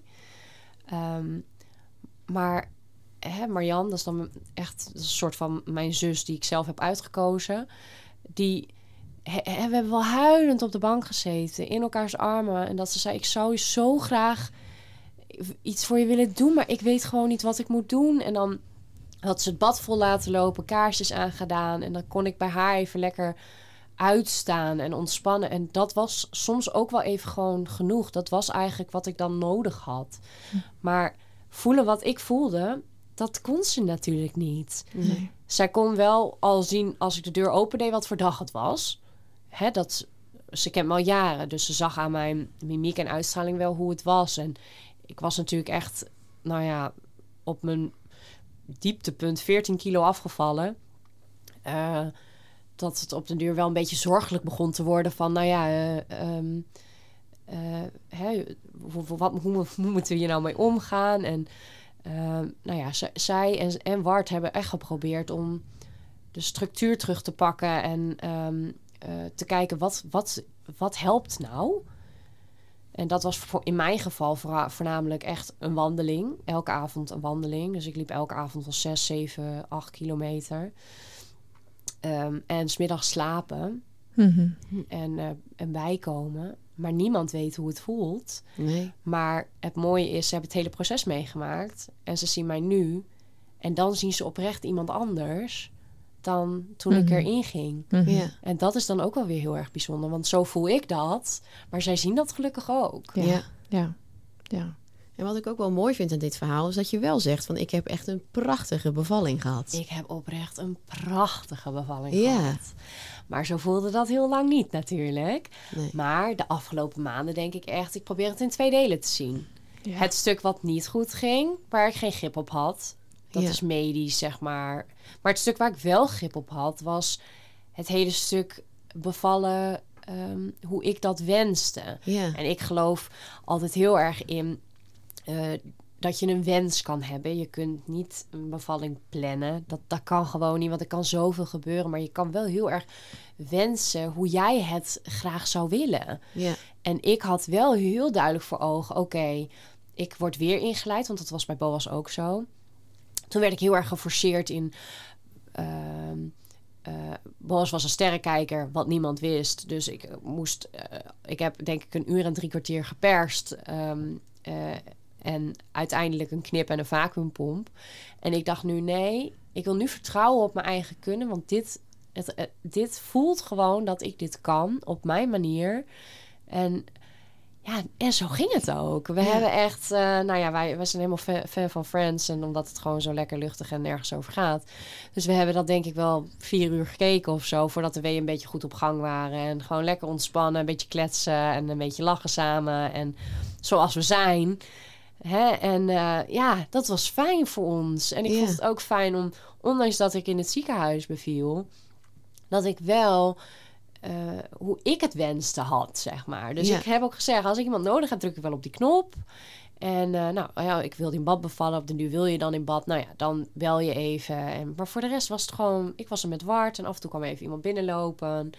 En eh, nou, als ik geen wee had, mocht er gepraat worden. En als Ja. wel een wee had, dan zei ik altijd even, even met mijn handen van... Nou, even stil. En dan was dat ook oké. En ja, dus dat, dat is ook echt eh, wat me bijblijft. En dat ze ook tegen me zeiden van... Nou ja, we zien op de monitor dat je echt wel hele goede weeën hebt. Maar als ik naar je kijk, Hmm. dan zou ik dat niet... eh, hè, dan zou ik dat zo rustig en ontspannen zat ik daar. En toen zei ik ook echt nog laatst tegen mijn man van... Ja, en dat wil ik eigenlijk vasthouden. Weet je wel? Hoe mooi. Ik was zo euforisch en gehuild en gelachen. Gewoon toen ze geboren werd, zo mooi vond ik het. Zo, ja, ik voelde me echt een powervrouw. Ik was Ja, echt helemaal geweldig. En dat was niet lang. Dat was misschien vijf minuten. Maar eh Tot wel dat van grote waarde. hele grote waarde. Ja. Dus ik, ik kijk eigenlijk van mijn bevalling alleen ook nog dat stuk terug. Want daarna zie je mij in bed liggen, helemaal emotieloos naar mijn kind kijken. Ehm, dat je al ziet van, hmm, dat, dat is niet helemaal goed, zeg maar. Nee. Maar die euforische mooie foto's van, eh, van de bevalling zelf, nou ja, daar hecht ik nu gewoon heel veel waarde aan. Ja. Dat was hoe ik het wenste. Ja. En, eh, eh, en dat vind ik de mooiste herinnering om te onthouden. Ja. Ja. Ja. Ja. We, gaan, we hebben een rubriekje, of een, een item met, dat is de doos van Pandora. Met tab- taboe onderwerpjes ten aanzien van het moederschap. Dus mag jij een, een kaartje pakken? Spannend. Ja. En eh, Thuisbevalling, ziekenhuisbevalling. Ja, de keuze wat, wat voor mij... eh, nou ja, ja, wat inderdaad en wat, het, eh, nou, wat er bij jou eh, resoneert als het gaat over de eh, eh, thuisbevalling, ziekenhuisbevalling. Wat, ehm, eh, wat, er wel eens, wat ik wel eens zie is dat er, dat er zo eh, twee, ja, twee groepen, of in ieder geval. Je hebt mensen die helemaal bedoelt. pro eh, Ja. ziekenhuis zijn. En eh, mensen die zeggen ik thuis bevallen. Ja, het is heel grappig, want toen ik zwanger was van Boas... heb ik eigenlijk ongeveer, nou ja, tot week 27 uiteraard geroepen... ik wil thuis bevallen. Mhm. Gewoon in mijn eigen huis. Heerlijk lijkt me dat. En ja, dat heb ik eigenlijk altijd wel zo gevonden. Omdat ik geloof dat als je in je eigen veilige omgeving bent... je dan ook het meest kunt ontspannen en... ehm, hè, weet je zo, dus dan, ja, dan denk ik dat dat de beste plek is voor thuis. En wij wonen vijf minuten van het ziekenhuis. Dus ik zei ja, als er echt eh, problemen zijn, dan zijn we er ook zo. Dus, ehm, maar goed, ja, in ons geval ging het natuurlijk anders. En dan was er in die zin, nou ja, laten we zeggen, geen keus. Maar goed, ik, had, ik spoot natuurlijk insuline, wat de kans op hypo's bij baby's heel groot maakt. Eh, en dat het echt sterk af te raden was. Ehm, omdat ze elke keer, eh, ze moet 24 uur gemonitord worden na de bevalling. Ehm, dus ja, het is dan een beetje gek om dan te zeggen van... je gaat dan thuis bevallen en je komt dan daar. Dat, want ik moest dan alsnog naar het ziekenhuis gelijk na de bevalling. Dus dat ehm, was voor mij geen optie, zeg maar. Ehm, maar dat maakte natuurlijk wel dat het me nu heel erg aan het denken zette. Maar hoe kan ik het dan, ondanks dat het misschien niet mijn wens was... en ik bij de bevalling van Boas oprecht, ik heb er geen trauma aan overgehouden. Het, ik dacht alleen maar, die baby moet eruit. Ik was, de zwangerschap was natuurlijk helemaal niet fijn. En eh, nou ja, weet je, voor mij was het oké. maar er hadden heel veel dingen anders gekund. En nou, op, op de deur is je natuurlijk dan weer ehm, ja, een soort van zitten wachten op je bevalling. Dan ga je dan nadenken van, nou, wat zijn, jou, wat zijn nou mijn wensen? En hoe kan ik het dan wel maken dat het een mooie herinnering wordt? Want Ja. uiteindelijk is het zo'n magisch moment. Er komt een, ja, ja, weet je, je, nou ja, in mijn geval helemaal. Ik bedoel, bij mij stond gewoon letterlijk in de agenda wanneer ze geboren werd eigenlijk. En eh, ja, eh, de inleiding. En je weet gewoon, ik ga nu heen en ik kom gewoon terug. En dan zijn we een gezin van vier. Hoe bizar. Ja, ja. Dus ik dacht toen echt, oké, maar dan wil ik er wel echt mijn eigen gevoel aan geven. Dus ik heb, al- ik heb ook in het ziekenhuis gewoon gezegd, mijn wens is gewoon dat ik een kamer krijg met een bad erin. Zodat ik die badbevalling kan doen die ik heel graag wens. Omdat ik eigenlijk ook wel wist van... Nou, hierna zijn we wel compleet als alles goed mag gaan. En eh, dan, is dit, eh, dan zijn we nu een compleet gezin. En dan wil ik heel graag een badbevalling hebben, omdat me dat zo magisch en mooi lijkt. En ja, dat is voor ons gelukt. Hmm. Ja. Dus ehm, eh, heb ik eigenlijk ook wel heel mooi kunnen zien dat hoe, hoe groot een wens kan zijn. Want ik denk dat ik dat al voordat ik überhaupt in verwachting was van Boas riep thuis. Oh, het lijkt me prachtig. En gewoon in mijn eigen omgeving. En hoe heerlijk dat je dan in je eigen bed kan blijven. En nou, heerlijk leek me dat. Maar nou ja, goed, dat mocht dan niet zo zijn. En dat het dan dat ik oprecht nu wel, wat jij ook zegt, eh, terug kan kijken op een bevalling ja, waar ik wel echt een goed gevoel bij heb. Ja. Dus dan is het toch missie geslaagd. Ja. Ja. Thuis Ja. of in het ziekenhuis. In ieder Ja. geval. Ja. Ja. Missie geslaagd. Zijn er nou ook dingen, want je zegt er zijn wel dingen ook die echt misgegaan zijn of die anders hadden gekund. Dat zo zei je het, hè? Die anders hadden gekund. Ben je er, zonder, eh, kijk, je kunt dingen niet terugdraaien. Maar zijn er dingen die je daarin dan eh, anders had gedaan of die je anders, eh, waar je nu anders tegenaan kijkt? Of wat je zou mm, meegeven voor vrouwen die, daar die daar nog voor staan? Ja, precies. Nou, wat ik, eh, wat ik zelf ehm, ehm, in crisissituaties denk ik gewoon, het is maar 10 seconden om uit te leggen Hmm. of één minuut, ik noem maar wat. Eh, er komt tien man personeel binnen. Er is vast iemand die één minuut de tijd heeft om jou rustig toe te spreken, om te zeggen wat er aan de hand is, Mhm. dat je in goede handen bent, om even die acute angst weg te nemen. Ja. Ja. Dat is oprecht heel belangrijk. Ja. En Marian, mijn beste vriendin, zou bij onze bevalling aanwezig zijn. Maar, zoals iedereen weet, 14 oktober ging de lockdown in. ja. Oh, Luna is ja. 14 oktober geboren. Ja. Marian mocht niet bij de bevalling zijn. Oh, wat jammer. Ja. Anders was het misschien veel rustiger voor mij geweest. ja. Ehm, maar het mocht niet. Dus ik was alleen met Wart. En Wart stond met Luna ergens in een, in een hoekje. En werd ook een beetje een soort van... Nou, nee hoor, we hebben het allemaal onder controle.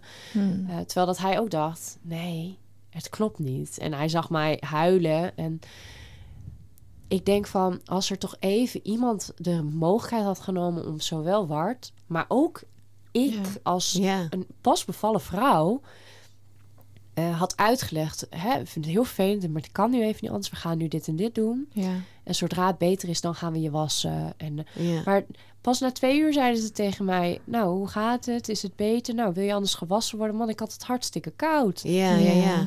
Dat soort dingen. En dan, dat vind ik wel heel, heel jammer. Want dat is wel zo ook weer een beetje die deken... die dan over zo'n bevalling Ja. heen hangt. Ja.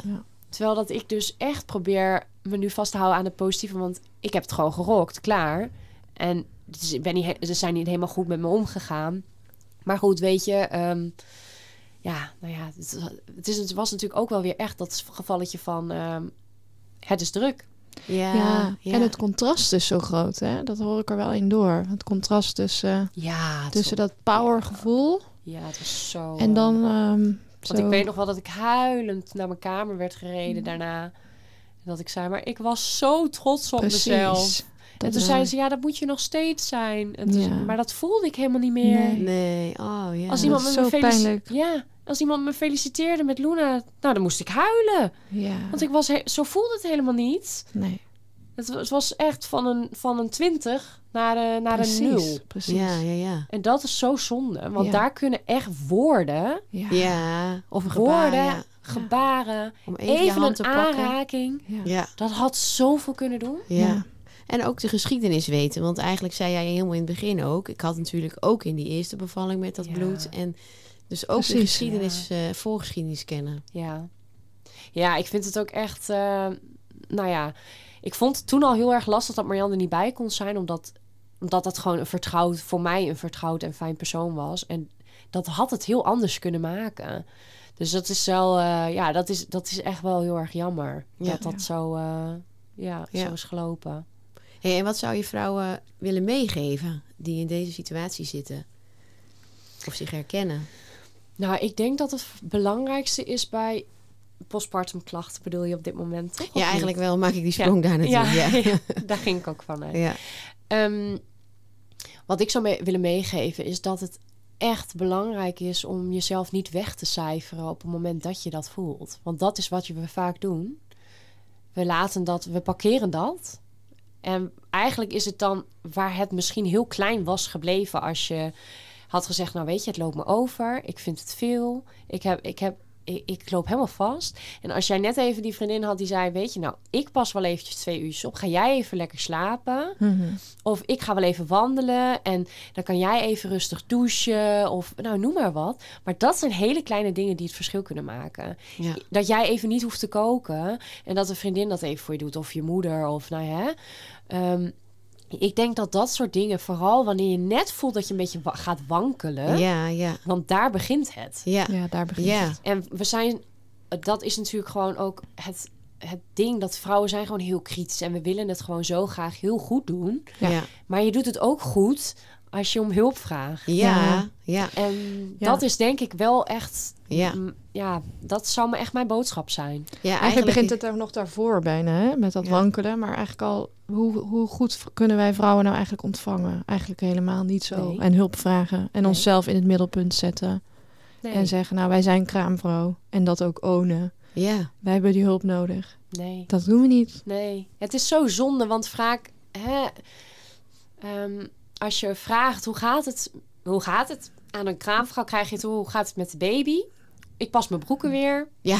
Ja. ja geef je borstvoeding, ja, of in ieder Ja, geval zoiets. snap je? Ja, ja, ja. Maar van, het eh, gaat ja. niet over van hoe gaat het nou met jou? Want, Ja. nou, no offense, maar na beide bevallingen had ik vrij beursgevoel van onder. Dat was een vrij lange tijd, had ik dat ook nog wel. Ehm, nou, bloeden lang na. Het, eh, gewoon genoeg ongemakken om je toch niet helemaal lekker in je vel te voelen. Ja, En dat is best oké om te zeggen. Ja. En dat Ja. wil niemand horen, maar dat is wel zo. ja, en dan is de kraamzorg een korte tijd. Ja, Want die, dat, Ja. dat is zo voorbij. En eigenlijk heb je nog, wat je zegt, hulp nodig bij het wassen, bij het, eh, Ja. bij het koken. Ja, want Maar ook, ook, om te slapen. even ook om te slapen. Ja. Als je dan zegt, hè, van, eh, ja, dan was ik opeens weer met twee kinderen. Dan, dan krijg ik direct ook die flashback aan, aan weet je, aan die eerste tijd. Dat ik, dat ik altijd zorgde dat ik hulp had. Want inderdaad, ik voel dan alles van, oh, het kan helemaal niet in het begin voor twee kinderen zorgen. En dan daar nog herstellende zijn. Nee. En toen op de deur had ik mezelf natuurlijk ook aangedaan om dan, omdat ik vond dat ze wel borstvoeding moest krijgen, dan, dan gingen we dat maar indikken. Dus dan had ik een baby die honger had. Ik was aan het kolven en een peuter die natuurlijk de hele tijd de kolf aan en uit wilde doen. Of ja, eh, ja, net, even, lopen. eh, net even wilde spelen. Ja. Ik werd gewoon helemaal... eh Nee, nee, Ja. dat kon niet. nee. En het zit ook in het collectief, denk ik hoor. Misschien de nuchterheid van Nederland, maar dat wij wel vinden. Je gaat gewoon door. Hè? Dit doen Klopt. wij er dan ook naast of bij. Of, Ja. ja. ja. Maar hoe, hoe krom is dat eigenlijk? Hè? Dat is gewoon het hele... Want we staan pas aan als het misgaat. Ja. Terwijl Mhm. dat het eigenlijk... Je kan iets voorkomen door die, die vrouw, die kraamvrouw... eh, eh, een beetje te helpen. Het Ja. zijn vaak maar hele kleine dingen. Even een middagje met die peuter. Nou, vaak de meesten vinden het helemaal prima. Die nemen Ja. lekker die peuter even mee en hebben een gezellig middagje. En moeder kan dan even alleen met de baby... wanneer de baby dan wel of niet slaapt. Maar goed, hè? Ja, Je kan even bijslapen of je kan net even dat één op één momentje hebben... zodat je net wat meer rust ervaart. ja. Mhm. Het is zo... ja, en niet alleen zeg maar, in die eerste week, echt ook die weken daarna. Ja. Ja, Ja. En ik heb het soms, soms nog. Dat Ja, ik denk, vind het is lekker het om ook, ja. eh, Ja. even één kind te hebben. ja, Ehm, maar dat is, wel, dat is wel echt wat ik wil meegeven. Want eh, eh, het, vaak wachten we te lang. ja. En dan staat bijna, hè, want het verlof, wees eerlijk, is relatief kort. Dus dan staat het werk alweer voor de deur. ja, Eh, dan komen we erachter dat het eigenlijk wel heel veel allemaal is. En dan ergens klapt het. Ja. Of net in de eerste week van werken, of net daarvoor. ja, Ehm, je hoort heel vaak met postpartum klachten dat het begint wanneer je net gaat werken. Want het was er natuurlijk al die tijd al. ja, En dan, moet je nog een nog bal iets bij. Ja. Ja. hoog houden. ja, ja, ja, dat is het, ja. Dat ja. is het. Ja. Dus ehm, ja, en als die dan klapt, dan klapt hij ook heel, hard. heel hard. Ja, En dat, dat merkte ik nu ook. En ja, daar kan ik soms nog wel nou, bijna boos van worden. Dat ik denk, ik ben naar de huisarts gegaan. Hè? Dus het was er wel al. En het, volg, hè, het, het was er dan volgens haar niet. Maar dat was er natuurlijk wel. ja, En wat nou als ik in november al was geholpen in plaats van eind januari? Hè? Ja, Dat wat, had, had mogelijk wel nog wat verschil gemaakt. Ja, Nu ben ik wel echt heel diep gegaan. ja. Dus ehm, Wat hadden ze toen kunnen doen voor jou? nou, ik denk allereerst natuurlijk ehm, eh, gesprekken Ja. aan kunnen bieden. Van joh, praat met iemand hierover. Dus een beetje POH, GGZ of gaf me handvaten. Wat moest ik doen? Ja. Ik wist überhaupt niet meer wie ik was en wat ik kon. Hè? Ik bedoel, zo eh, ehm, gebrainwashed was ik al eigenlijk een beetje door de depressie. Ja. Als er tegen mij was gezegd, nou weet je wat me verstandig lijkt? Eh, eh, jij gaat bijvoorbeeld, eh, weet ik veel, een weekend eh, naar je vriendin om te staan. Ik kon zulke dingen niet meer bedenken. Nee, Nee. iemand die je bij de hand neemt. Het was dat mijn vriendin zei tegen mij, nou, dan slaap jij vannacht. dan regelde zij dat met Wart. En zij zei, nou, dan slaap jij bij mij vannacht. Want eh, hè, de kinderen gingen, gaan op maandag bijvoorbeeld altijd naar mijn vader. En eh Marianne is op maandag vrij. Dus dan sliep ik op zondag daar. Zo'n beetje, weet je wel. En dan één keer in de week sliep ik nog bij mijn ouders op zolder. En dat was al normaal. Maar dat was natuurlijk helemaal niet normaal. Het, het, het, het gaf al aan alles al aan van... Ze redt het niet, maar we weten niet hoe we haar eh, Ja, boven water moeten ja zo. houden. Ja. zeg Iedereen maar. roeit met de riemen die die eh, Ja, heeft. En nou ja. kan ik me voorstellen als je er, dat heb je zelf natuurlijk ook ervaren, dat als je er middenin zit, dat het zo uitzichtloos is van wanneer gaat het nou over? ja. Wat zou je tegen die vrouwen zeggen die dat herkennen? Want Jij, jij, hebt, het- jij, hebt, jij, jij bent nu, staat nu aan de andere kant. ja, dat klopt. Ja, dat is oprecht een vraag die ik mij dagelijks heb afgevraagd. Die ik ook dagelijks heb gesteld. Hè? Waarom en wanneer gaat het dan over? Ja, Maar het gaat zeg maar natuurlijk niet van dag 1 op dag 2 over. Het echt het allerbelangrijkste wat ik eigenlijk... En ik weet niet, de een noemt het egoïsme, de ander noemt het zelfzorg. Ik noem het liever zelfzorg. Is heel goed je grenzen aangeven en heel goed je grenzen aanvoelen ook. Mhm. En vooral alleen te doen wat goed voelt voor jou. ja. En hoe heftig dat soms is, is om je kinderen uit handen te geven aan andere mensen. Dat betekent wel dat je uiteindelijk weer sneller op dat pad komt. Hè? Dus ehm, eh, door wel daarin te blijven in het gezinsleven, maar af en toe even uit mag staan. Ja. En het, ja, het, het, het, ik, tegen mij werd ook altijd gezegd, het wordt minder. En toen dacht ik ook altijd, ja, nou, jij hebt makkelijk praten, want jij voelt dat niet. Nou ja, in dit geval praat het voor mij natuurlijk nu ook wat makkelijker. Maar ik heb het wel meegemaakt. Ik weet hoe het voelt en ik weet hoe het is. En dat je niet kunt uitleggen dat als je... eh, nou ja, als er een scooter langs rijdt of een auto langs rijdt... dat je bijna helemaal overprikkeld kunt zijn. Eh, dat zijn echt klachten van de, van de depressie. En dat het heel belangrijk is dat je daarin ook echt je rust opzoekt. En je, je dagindeling ook echt minimaal houdt Mhm. hoe. eh, ik heb ook wel gehad dat ik me daardoor heel zinloos voelde en vond dat dat meer moest zijn. ja. Maar als ik dat deed, dan was ik zo weer een stap terug. Ja. Omdat het. Ik ging mezelf overvragen. Ik zou daar echt bijna aan toe willen voegen dat dat eigenlijk voor, in ieder geval voor iedere eh, kraamvrouw geldt eh, die eerste tijd. Om dat dus echt zo prikkelarm mogelijk te maken. Ja, werkelijk. Ja, Ja, vind ik ook hoor. ja. Ja, om En- echt langzaam dat herstel de kans te geven. ja.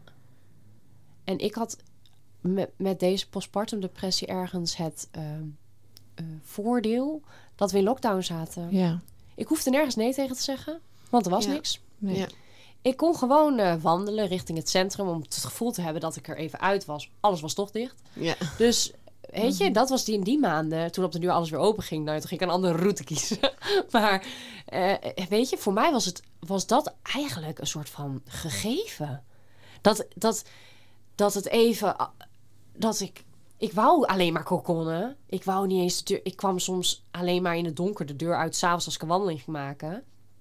En voor de rest eh, was ik alleen maar thuis in mijn veilige haven.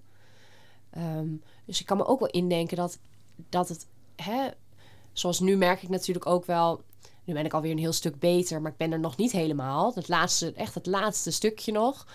Ehm, maar nu krijg je weer meer eh, uitnodigingen. Ja, dan ga je afwegen. Ga ik daar wel heen? Ga ik daar niet mee? Gaat het me goed doen of gaat het, gaat het me stress opleveren? Ja. Ehm, Ja. als ik er wel heen ga, wat.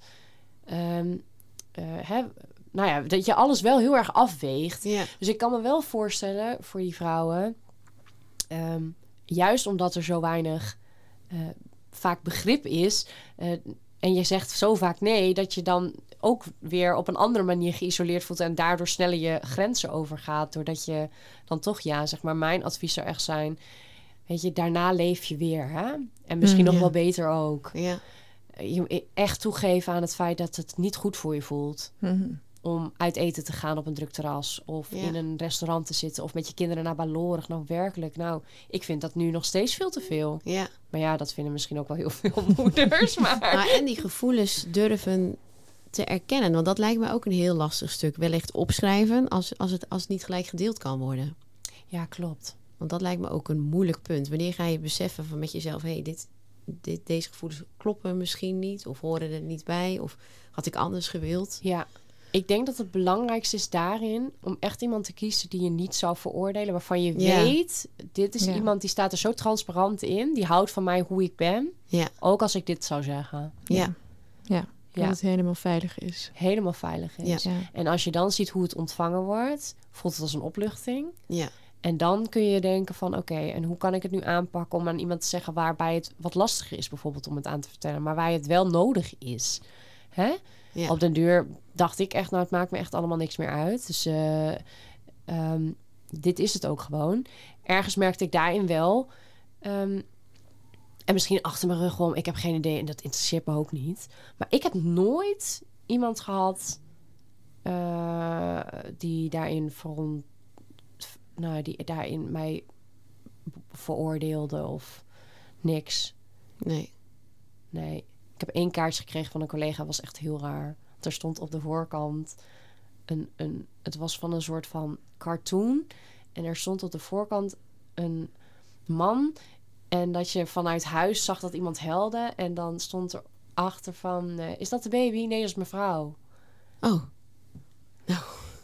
En toen dacht ik: Oké.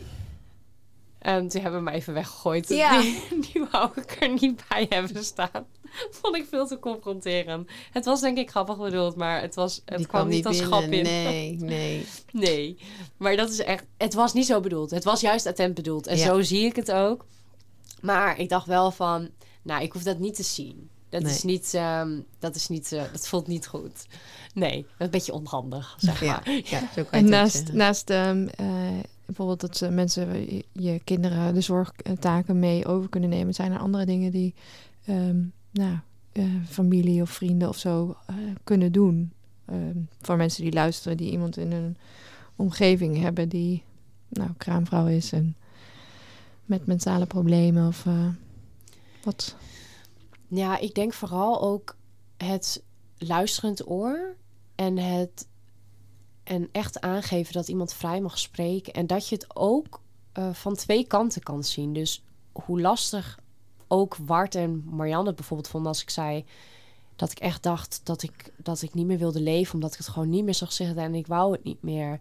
En tuurlijk, hun moesten dan ook huilen en hun vonden dat heel erg, maar hadden juist nog meer de drang om eh, dingen uit handen te nemen en me daarin te kunnen helpen. Dus ik denk dat het, het, het grootste struikelblok is dat je niet durft te zeggen wat je dan voelt of denkt. En Mhm. waardoor je soms ook niet de hulp krijgt Ja. die jij zou moeten hebben. Ja. Want er is natuurlijk wel een verschil tussen. Ik zit niet zo heel erg lekker in mijn vel. Ik vind het moederschap wel pittig. Dat vinden namelijk heel veel vrouwen. Mhm. Ehm, ehm, en als je dat aangeeft bij een huisarts, dan kom je bij een praktijkondersteuner waar je één keer in de twee weken een uurtje mag praten. Dan doe je de deur dicht en ehm, succes.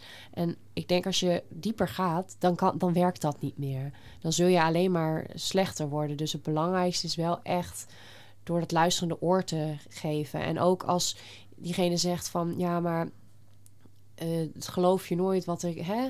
Want dat heb ik ook al gezegd. Ik kan niet zeggen wat ik denk, want het is echt bizar wat ik denk. Hmm. Maar het is juist op het moment dat ik vrij uitsprak wat ik dacht of wat ik voelde, voelde ik eigenlijk ook wel. Ik mocht huilen op elk moment dat ik wilde huilen. En het was dan ook wel bij de kinderen. Terwijl ik, eerst was het echt alleen maar dan ging ik weer naar boven, omdat ik dan heel erg moest huilen. Maar ja, op den duur. eh, het, het, het er laten zijn en vooral stoppen er tegen te vechten, maar En je hoeft het niet te accepteren. Dat is echt, dat, dat vind ik altijd een beetje een soort van next level. Mhm. Want dat, dat, dat betekent dat je accepteert dat je dat hebt. En dat doet niemand, denk ik. Maar dat je het er gewoon, dat je het te laat zijn. dat het niet weg, weg hoeft. Precies. Ja, ja. Dat je te laat zijn. Want zolang je er tegen blijft vechten, wordt het vaak eh, een strijd van waarom. Ja. En eh, hoe, hoe, waarom heb ik dit en eh, wanneer gaat het over? En dan komen er allemaal vragen waar je zeg maar net niks ja, mee kan. Nee. Nee. En eh, je bent begonnen met een boek schrijven? ja, Ja. we begonnen met een boek schrijven. Ik had ehm, de blogs geschreven en ik kreeg er zoveel, zoveel mooie contacten van met vrouwen die, ehm, ja, die ook dezelfde gevoelens hebben of postpartum klachten gehad hebben. En die, sommigen die zelfs drie jaar geleden het hebben gehad. En dan toch, je, je blijft toch eh, een soort van bij die club horen. Hè? Je hebt dit Mhm. meegemaakt. Het was een heel donker hoofdstuk uit je leven. En dat, ehm, eh, eh, dat ik echt dacht van, nou ja, al kan ik één vrouw helpen om op te schrijven hoe mijn gevoel was. En ik weet zeker, dit kan ze niet lezen in, in haar diepste dal. Dat, dat kan niet. Maar als ze het daarna kan lezen en kan... dat je in die fase komt dat je denkt van... oké, ik heb dit meegemaakt, maar hoe moet ik nu verder? En dat je dan leest... oké, ik, ik herken dit. Dit, dit had ik, heb ik ook. En dan geeft het je voldoening. Dan geeft het je een soort lucht. En ik hoop echt dat ik dat, dat, ik dat kan meegeven. Mhm. En dat het voor mij ook een soort van dagboek wordt van... Ja, van deze... Nou ja, ik zeg altijd maar deze verschrikkelijke reis eigenlijk. ja. Ja. Ja. Waar Maar- kunnen vrouwen jou vinden? ja Mogen ze jou vinden? Ze mogen mij vinden, zeker. Ehm, maar ze, nou ja, voor mij is het makkelijkst op mijn Instagram, denk Mhm. ik. Eh, mijn Instagram is Arlette Kloppers. En eh, op Mama Plaats, eh, denk ik, als je zoekt op postpartum eh, depressie, kun je me vinden. Ehm, daar heb ik meerdere blogs op geschreven. En eh, ik sta altijd weer open op contact, eh, voor contact. Eh, soms is het zo dat je je even moet afsluiten en weer even in je eigen bubbel moet. En dan lees ik het wel, zet ik het bericht op ongelezen. En dan reageer ik misschien drie of vier dagen later. Maar dat komt omdat ik ook in mijn eigen proces nog zit. En Hm. vooral wat ik natuurlijk heb geleerd, wat ik al zei, is grenzen bewaken. Dus Ja. Ja. dat is bij mij er één. Maar ik vind het altijd heel mooi als vrouwen me berichten sturen. En ehm, ja, met liefde wil ik dat er altijd beantwoorden.